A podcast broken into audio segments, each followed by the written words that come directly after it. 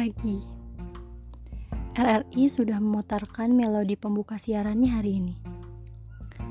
Sambil merapikan kembali peralatan sholatku, dengan mengusap wajah dan membereskan tempat tidurku, radio itu mengawali kegiatanku.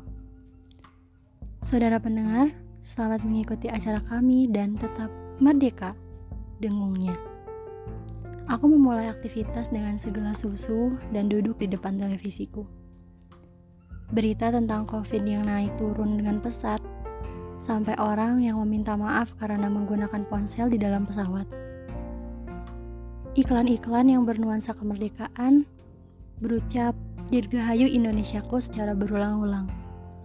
Menjelang siang, aku berangkat ke kampus.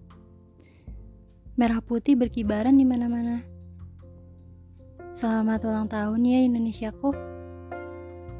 Ayo bangun. Cuci muka biar terlihat segar. Kata efek rumah kaca. Di dalam bis kota, aku melihat dari kaca jendela. Amat cerah cuacanya.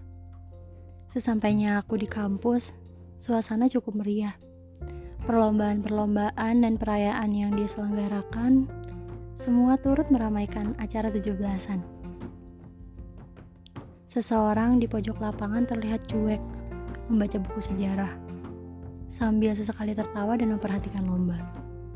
Sekali lagi, selamat ulang tahun Indonesiaku. Di hari kemerdekaan ini, doaku adalah semoga pandemi ini lekas berlalu. Salam baik untuk Indonesia.